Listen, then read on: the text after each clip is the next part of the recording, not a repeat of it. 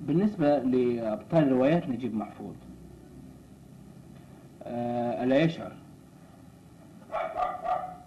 أنه يعني رغم التعاطف المعروف عن نجيب محفوظ مع أبطال رواياته إلى درجة أنه يجعل حتى آه، نهايات أبطاله نهايات مأساوية إلى حد ما.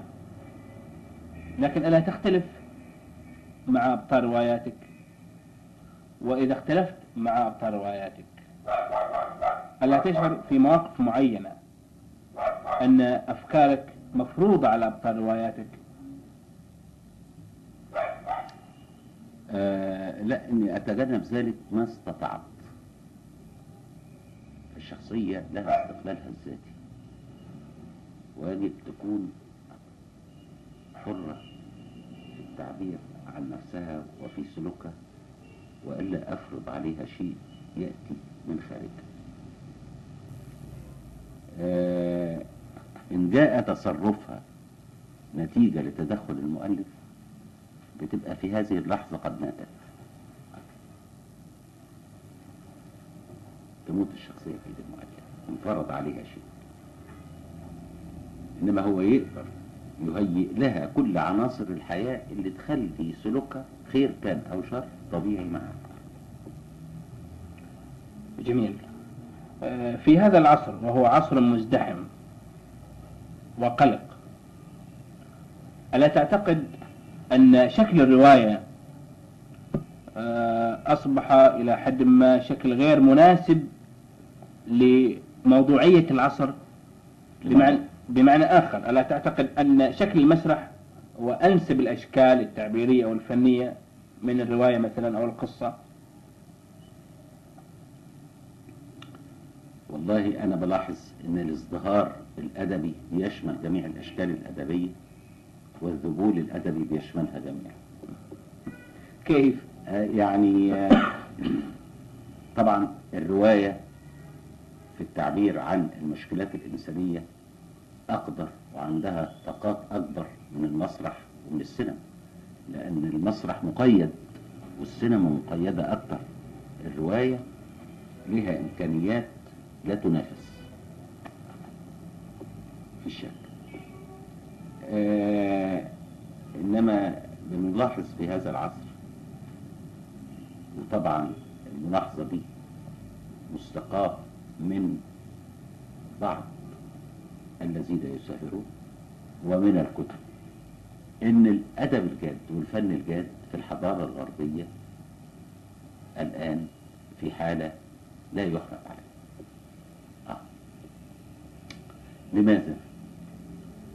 آه يجوز انت عارف ثورة الشباب اللي ابتدت سنة 60 والشباب هو الجيل القارئ. يظهر رفضية لدرجة كبيرة المجتمع. بتاعها فمن ضمن اللي رفضوه أدابه. صح يعني ده يكون تعليم. آه، يصح أيضا إن آه، الأدب والفن وجد في العلم منافس خطير. ليه؟ في جانب إمتاع. الجانب الجدي دراسة الإنسان. كفرد وكفرد في مجتمع النماذج البشرية المختلفة. الحقيقة العلوم الحديثة الإنسانيات زي علم الاجتماع وعلم النفس دخل في هذه المناطق. ها؟ وبيعطي فيها معلومات غير محدودة. آه، بحيث إن ال- اللي, اللي بيقرأ عمل أدبي عشان يتثقف أو يعرف فبيجد في العلم زاد يكفيه وزيادة. بحيث إن لم يبقى شيء خاص للعمل الفني إلا وجهة نظر المؤلف والجانب الامتاعي اللي فيه. ولذلك اللي طغى على الساحة الروايات اللي بنسميها روايات الإثارة والتسلية. وانكمش الأدب الجاد. السؤال بقى المطروح. يا ترى دي ظاهرة حتمية؟ كنتيجة أخيرة في الحضارة الحديثة الغربية الصناعية العلمية؟ ولا هي فترة بيمر بيها الأدب تعتبر هابطة؟ كما حدثت في عصور سابقة كثيرة تعقبها تجدد في الفن والأدب. الحقيقة الإجابة عن هذا السؤال في بطن المستقبل. في بطن المستقبل. أما عندنا في العالم الثالث الآداب مزدهرة. في عالمنا العربي من عشر سنوات في نوع من الخمود والهبوط الحقيقة. ما هو أسباب هذا؟ آه، يمكن سببه المحل لنا إحنا العرب ان من منذ سنة 67 آه، زي ما تقول النفس العربية انكسرت. وإن كل التفكير استوعبته الأزمة السياسية والأزمة الاقتصادية أحيانا. فلم يبقى للإبداع الفني إلا القليل والناس من, من, من الأزمة وشدتها أرهقت أعصابها. فمالوا إلى الأشياء الخفيفة اللي تسليهم وعشان كده آه الأشياء الجدية هبطت بدرجة كبيرة. ولكن بينما راجت كتب السياسة اللي بتبحث في الأزمة بحث مباشر. أو الفن الخفيف زي الأغاني الخفيفة والحاجات دي. يعني دي بالنسبة لنا حاجة مؤقتة ليس إلا وأعتقد إن إحنا بنخرج منها الآن. جميل. آه، أستاذ بالنسبة لرواية الكرنك آه، ألا تعتبرها هي المعادل الفني لكتاب توفيق الحكيم؟ عودة الوعي. وحتى لو في الواقع نجيب محفوظ أختلف تماما عن توفيق الحكيم ذلك أنه كتب آه. عن هذه آه. القضية آه، يعني من بس هي مش معادل فني تاني. آه. ليه بقى؟ الأستاذ توفيق حكيم ألقى على فترة الفترة النصرية نظرة عامة وأعاد تقييمه لها بينما هذه الرواية اللي هي القرن أدانت شيء واحد. أساسا وهو الإرهاب. آه، وهي ليست جديدة البتة بالنسبة لأعمالي. فهي استمرار لميرامار وصرصرة فوق النيل والعشرات القصص القصيرة اللي جمعت في تحت المظلة وشهر العسل وحكاية بلا بداية ولا نهاية وغيرها في مجاميع أخرى. يعني الواقع إنها تمثل الموقف اللي التزمته من موقف من ثورة يوليو منذ كانت وهو موقف المعارض البناء المنتمي. لم يتغير شيء بالنسبة لي. جميل. آه، طيب آه، بالنسبة لعلاقة نجيب محفوظ بالسياسة هل بالإمكان أن نقول أن الليبرالية هي أقرب المذاهب السياسية لنجيب محفوظ؟ والله في عالم السياسة أنا أتمسك بقيمتين. لك أن تعطيهما الصفة اللي تراها الحرية والعدالة الاجتماعية. جميل. آه، نريد أن نعود إلى المسرح أو تجربة نجيب محفوظ مع المسرح. معروف أنه آه، حينما خرجت تحت المظلة حملت يعني آه، إرهاصات أو آه، تجربة جديدة في آه، عالم نجيب محفوظ الفني. فما هو الدافع الذي دفع بنجيب محفوظ إلى اختيار الشكل المسرحي لتعبيره الفني في تحت المظلة؟ آه هذا الشكل أنا جربته عقب الهزيمة. كانت ف- فترة الحقيقة يعني انكسار نفسي كبير وطريق مسدود وكان كنا بنتكلم. يعني كانت المشكلة كلها اتحولت لإيه؟ حوار.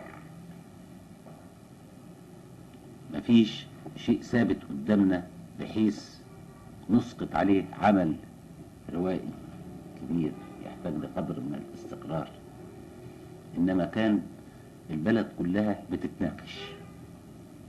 فالمناقشة دي أخرجت خمس مسرحيات من فصل واحد وحوالي عدد كبير 20 أو 30 قصة قصيرة حوارية كأنها كأنها مسرحية من فصل واحد.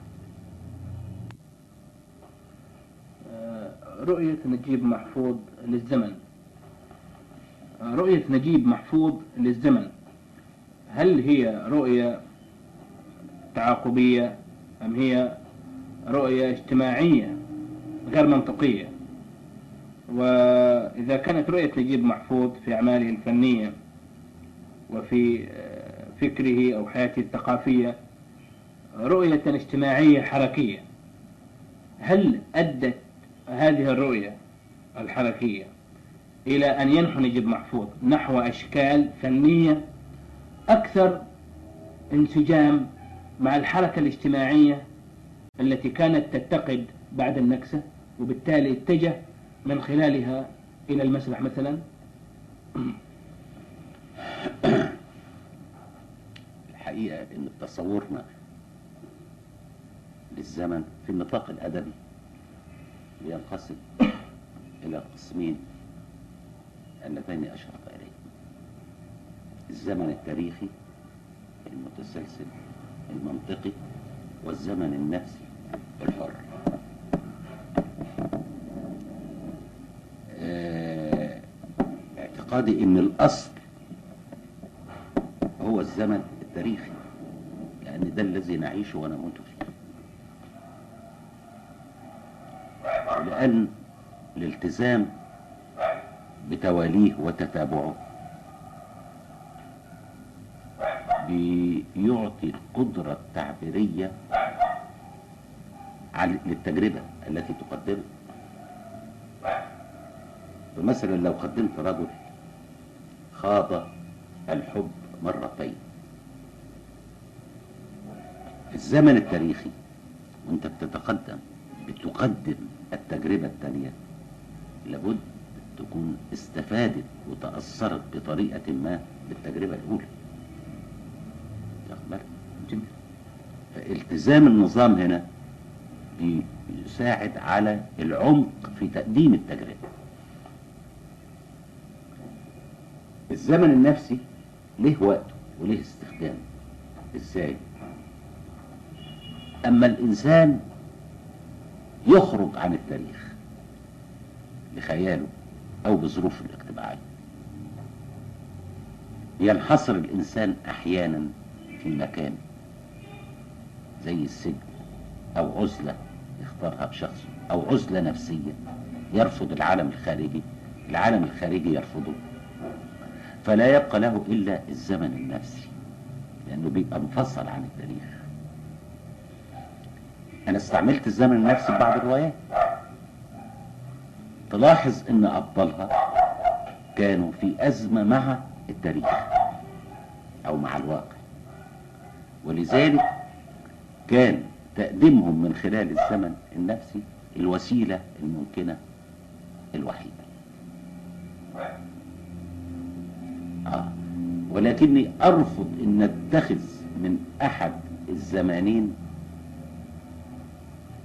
نموذج مقدس لا يجوز الخروج عنه ليه؟ لأن الحياة هي اللي بتأذن بالخروج أو بتحتم البقاء في التاريخ جميل طيب أستاذنا آه، بالنسبة لموقف نجيب محفوظ الاجتماعي آه، ما هو أثره في كتابات نجيب محفوظ الصحفية من خلال المفك... المفكرة اللي تكتبها في الأهرام مثلا؟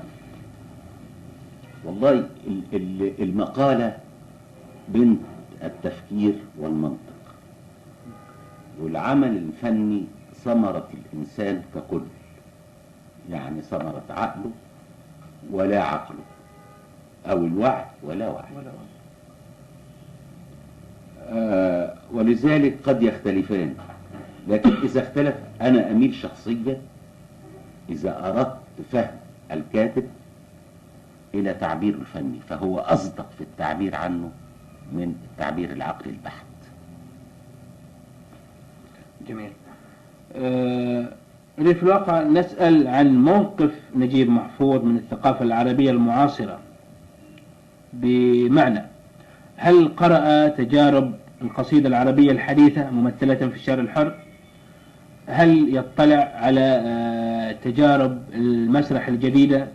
هل يطلع على آه، تجارب الروائيين العرب الموجودين في الأقطار العربية؟ وبالتالي ما هو تقييمه لمجمل الثقافة آه. العربية المعاصرة الحقيقة إني اطلعت على التجارب قديمها وحديثها وتقدر تقول بصفة عامة زي ما بيقولوا عندنا في مصر.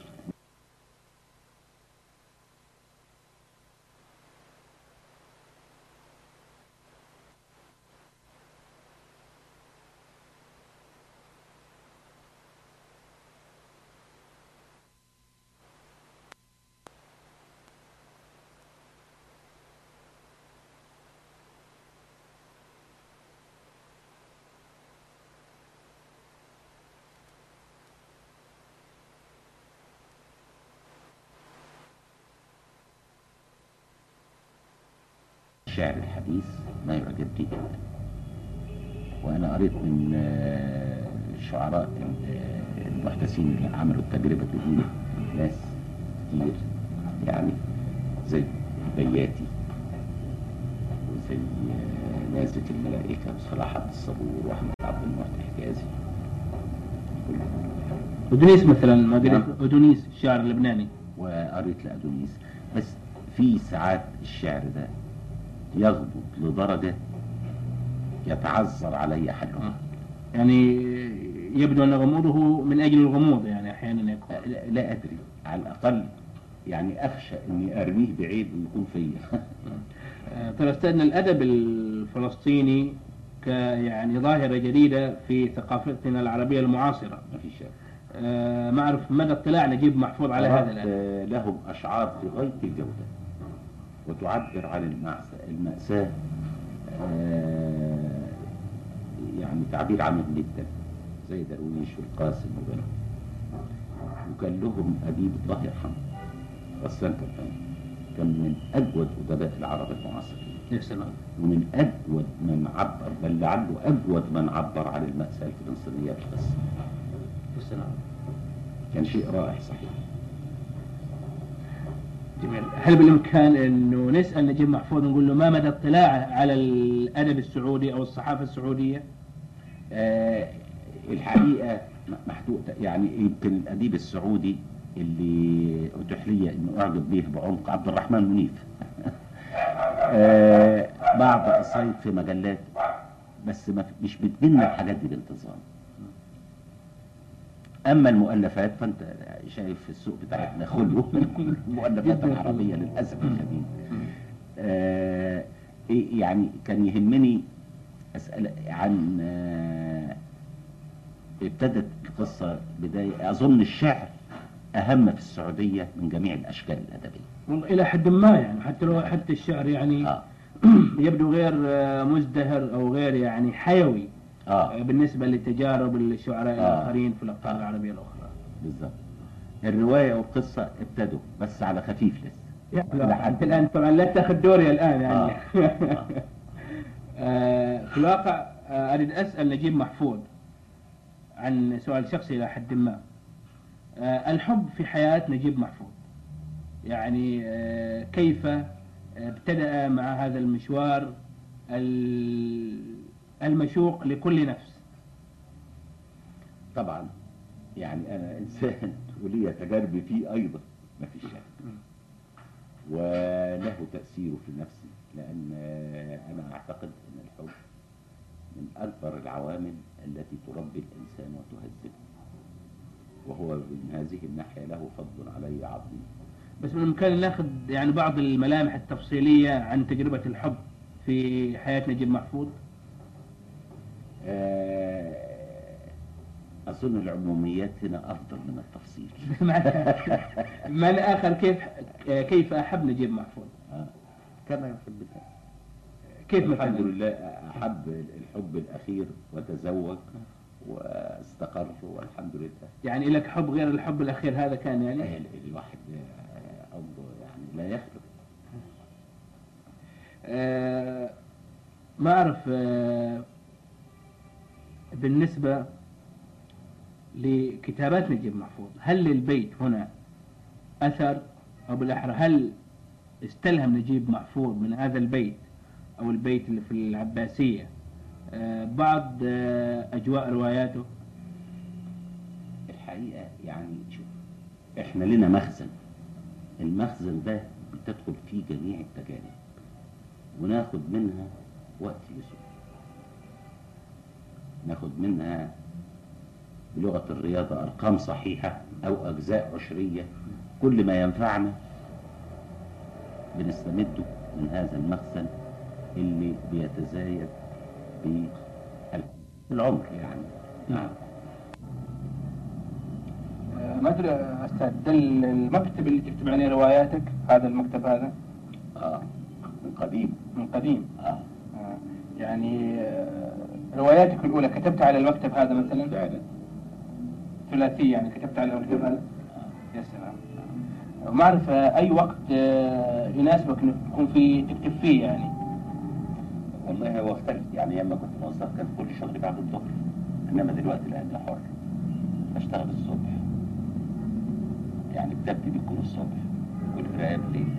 بالليل. آه. وبالنسبة إلى القراءة يعني تقرأ في كل الأوقات؟ آه. آه بالنسبة للقراءه في الليل يعني آه. آه. يعني في النصف الثاني من النهار. آه. في تنظيم معين للقراءة؟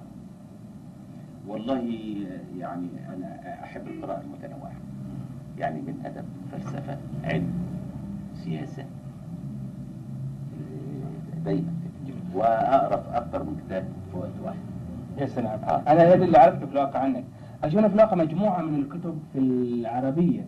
فما أعرف يعني آه. يعني تكتب في هنا قواميس آه. ودي كتب لغة عربية كلها. آه. فقه لغة آه. نحو يعني حاجات يا سلام. آه ما في الواقع المكتب ده؟ يعني يضم كل المكتبة اللي عندك أو دي جزء منها؟ لا ما هو في هنا جزء في بره جزء اللي صورنا قدامه وبقيتها بقى آه، شايلها عهده عند أختي. بس. لغاية الواحد يقدر يعمل مكتبة متكاملة يعني. يعني الكتب دي الأولانية خلاص خلص منها وقريتها يعني؟ قريتها أيوه لكن آه، فيها مراجع مهمة وكده. آه طيب. آه ما أعرف كيف يعني إيش الأشياء اللي تستولي على اهتمام نجيب محفوظ بالنسبة للقراءة يعني؟ بتختلف من العمر. يعني في الأول كان مثلا الأساس أدب بأشكاله المختلفة والرياضة في الفلسفة في العلم. دلوقتي آه، الأساس يمكن الكتب العلمية والفلسفية عن الحضارة والأدب خفيف. طبعا آه، لك هوايات ثانية يعني واهتمامات ثانية غير الكتابة. طبعا. يعني أهمها الموسيقى مثلا أحب أسمع لذلك شوف أنا أشتغل هنا ودايما تلاقي الراديو على يميني أسمع. موسيقى طبعا تكون أجنبية يعني كلاسيك أو كذا آه عربي. وفرنجي يعني بين المحطة الفرنجية والمحطة العربية باستمرار وطبعا المشي اعتبرته هواية جميل آه. لا شك. زي طيب منهم من الفنانين اللي آه، يرتاح لهم نجيب محفوظ؟ قصدك فنانين إيه؟ آه، مغنيين يعني آه، ولا آه، مغنيين. طبعا المغنيين أنا من جيل كنت أحب الغنى القديم وأسمعه. وحبيت سيد درويش وعبد الوهاب وأم كلثوم. كل دول أحب اسمع وحتى المغنيين المعاصرين. يعني آه، أسمع الغنى على أوسع نطاق جميل. أعتقد كانت لك علاقة بالسيده أم كلثوم مش كده؟ آه، سميع علاقة سميع. سميع. لا بس اعتقد في نوع من الصداقة يعني؟ لا والله آه، لما كان آه، احتفلوا بعيد ميلاد الخمسين تكرمت الله يرحمها وحضرته. آه، فكانت ال- المقابلة الأولى يعني. آه. يا سلام. آه. لا أشوف هنا في آه، بعض الشهادات أو بعض الأوسمة هنا كمان. آه. فما أعرف يعني إيش الحاجات الموجودة آه. عندنا هنا.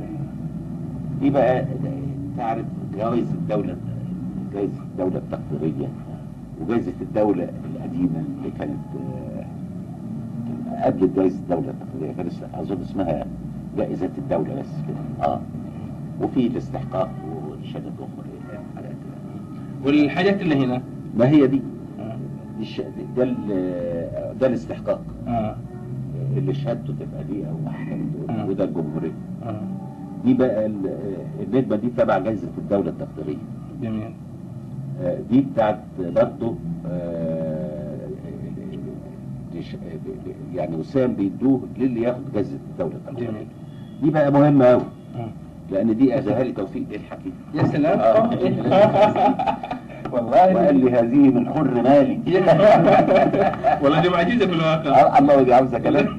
يعني كده تكلف كم دي تقريبا؟ دي فضة. يا سلام. آه. والله ده, ده يعني عزك قوي توفيق بيه و- و- و- وأنا كمان آه، مش بشرب عليها سجاير ولا حاجة. طيب بالنسبة للتمثال هذا. ده تمثال يا سيدي بتاع السينما. أظن اما بتاع آه، قصة المسلمون ولا مش عارف. لا. قصة الكرنك. الكرنك آه الكرنك آه. هذا أعتقد استلمته من المرحوم يوسف السباعي أعتقد هو سلم آه. فيها. آه. الله يرحمه. لو ما أعرف مدى علاقتك بالمرحوم يوسف السباعي. علاقه عميقة جدا. قديمة جدا لأن أنا أعرف يوسف الله يرحمه من حوالي 30 سنة. يعني تعرف بيا وهو ظابط صغير. يا سلام. آه. وكان يوميها بيكتب قصص قصيرة. وحتى أول زيارة له كان جاي ينبهني إلى أنه هينشر رواية مسلسلة أول رواية له مسلسلة هي أرض المثال يعني كانت علاقة معجب بيك يعني؟ آه في الأول. آه. طيب بالنسبة للمكتبة يعني آه، العائلة تجي تساهم معاك يعني في مثلا الاطلاع على بعض الكتب أو تساعدك مثلا في تنظيم المكتبة أو الآخرين؟ بالنسبة أقول للمكتبة هنا. آه. آه، بناتك مثلا أو المدام آه. تجي معك في المكتبة هنا آه، تساعدك مثلا في بعض القراءات أو في تنظيم المكتبة؟ آه طبعا طبعا. بس بناتي لهم مكتبتهم الخاصة بقى لأن ابتدوا يكونوا آه، مكاتب لتكتيب الدراسية وبعدين مراجع اللي, اللي تناسب الدراسة ال- اللي- المقررة يعني. قرأت من فترة أنه أحد بناتك ما يقرأ رواياتك؟ فإلى أي مدى يعني؟ هم أيوه فعلا. لكن ساعات تتكرر عليهم. غصب عنهم. بالنسبة للمدام يعني قرأت آه. جميع أعمالك الرواية. أو بتقرأ قليل لكن تحب تشوف التحويلات بتاعتهم أكتر. آه. آه. إذا مثلا مثلت أو آه كذا لأن هي في البيت مستغرقة في البيت طبعا قراية قليل ال- الكتاب اللي ياخد جمعة أو جمعتين قراية. تقدر تشوفه ساعة في التلفزيون. آه. آه. هي طبعا ما تعمل خارج البيت. نعم. أو المدام ما تعمل خارج البيت. لا في البيت فقط. آه. يعني هنا. جميل. وما أعرف بعد إيش اللي تضم المكتبة هنا؟ نعم. إيش الحاجات اللي تضمها المكتبة هنا؟ لا ال- هنا حاجات كتير. آه. يعني تقريبا ال- المبنى ده كله. بتاع فلسفة. يا سلام. آه. بالضفتين بتوعه آه. آه. ال- ال- دي من تحت هنا هو دي علوم. يا سلام آه كلها علوم. هنا بقى حاجات مختلفة. يعني في أدب وفي حضارة وفي دوائر معارف. آه. وكده. جميل. على حكاية الفلسفة هل تعتقد أن ال- الفكر الفلسفي في الثقافة العربية المعاصرة آه، استطاع أنه يتاخذ له شخصية معينة؟ آه استطاع أن يوجد ممثلين لتيارات الفلسفة العالمية. آه، ما استطاع أنه يعني آه. يوجد صيغة فلسفية خاصة بال يعني المجتمع العربي. آه ما نقدرش نقول إن إحنا دلوقتي لنا فلسفة بالمعنى الحقيقي. شفت؟ يعني عندنا من يمثل التيار الوجودي أو الفلسفة العلمية الوضعية. أو الفلسفة الصوفية الجوانية. آه، في عندنا دلوقتي آه، اللي يمثلوها خير تمثيل. أيام ما كنا طلبة فلسفة ما كانش فيه هذا التمثيل. يعني كان آه، الأساتذة أشبه بالمرشدين في المتاحف. يعني بي- بي- بيعرض لك فلسفات كتير من غير ما تقدر تعرف إيه فلسفته الخاصة أو حاجة زي كده. حقيقي. آه. وكان الشيخ مصطفى عبد الرازق بدأ فكرا فلسفيا اسلاميا. وصار عنده كتاب كده آه للفلسفة الإسلامية. كان صح يكون آه أساس لفلسفة يعني آه، ما أعرف أستاذنا آه، في المكتب هنا آه، يجي يزورك مثلا بعض المثقفين أو المفكرين المصريين يعني. توفيق الحكيم مثلا يجيك هنا؟ لا إحنا بنتقابل بره آه. يا سلام. بنقابله في الأهرام. آه. اللي بيجوا لنا هنا عادة غالبا يعني يكونوا ضيوف بيمروا مصر. إنما أصدقائنا هنا إحنا لنا آه، مقابلاتنا آه، الدورية كل أسبوع ما نحتاجش ال- حكاية بيت لاننا بنجتمع مجموعة كبيرة طيب بالنسبة للتليفون هنا ما يزعجك يعني ما حد يتصل بك من. يعني المهتمين بفنك وكذا كثير بيحصل. آه، بيحصل. لما يكون بيشتغل آه. بي- بي- بيفصل. وعارف يعني مدى آه، انفعالك أو تجاوبك مع المتصلين هؤلاء نعم. أقول مدى آه، تجاوبك مع المتصلين هؤلاء منهم بيتكلموا كلام عميق وفي كلام يعني كده خفيف. في طيب من الجنس اللطيف اتصل بك يعني؟ صح قوي لا يتصل بك ولا لا؟ يتصل. يتصل يعني. ويتناقشوا معك في روايات. يسألوا آه. جميل. آه ما أعرف في الواقع. آه في حاجة هنا في يعني في المكتب هنا ما فرجتنا إياها مثلا؟ مثل التاج هذا ما تحدث لنا عنه؟ ها؟ التاج آه، هذا ده آه، هدية جريدة الأهرام لي آه. مش واخد بالك؟ بأي مناسبة؟ آه، آه، احتفال عيد الخمسين آه, آه هتلاقي مكتوبة. من الأهرام إلى فلان بمناسبة جميل عيد ميلادي الخمسين وتقديرا لفضله على الأدب العربي الحديث. جميل جدا آه. أعتقد الآن كملت ال